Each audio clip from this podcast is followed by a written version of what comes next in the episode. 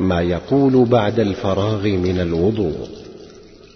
أشهد أن لا إله إلا الله وحده لا شريك له وأشهد أن محمدا عبده ورسوله. اللهم اجعلني من التوابين واجعلني من المتطهرين.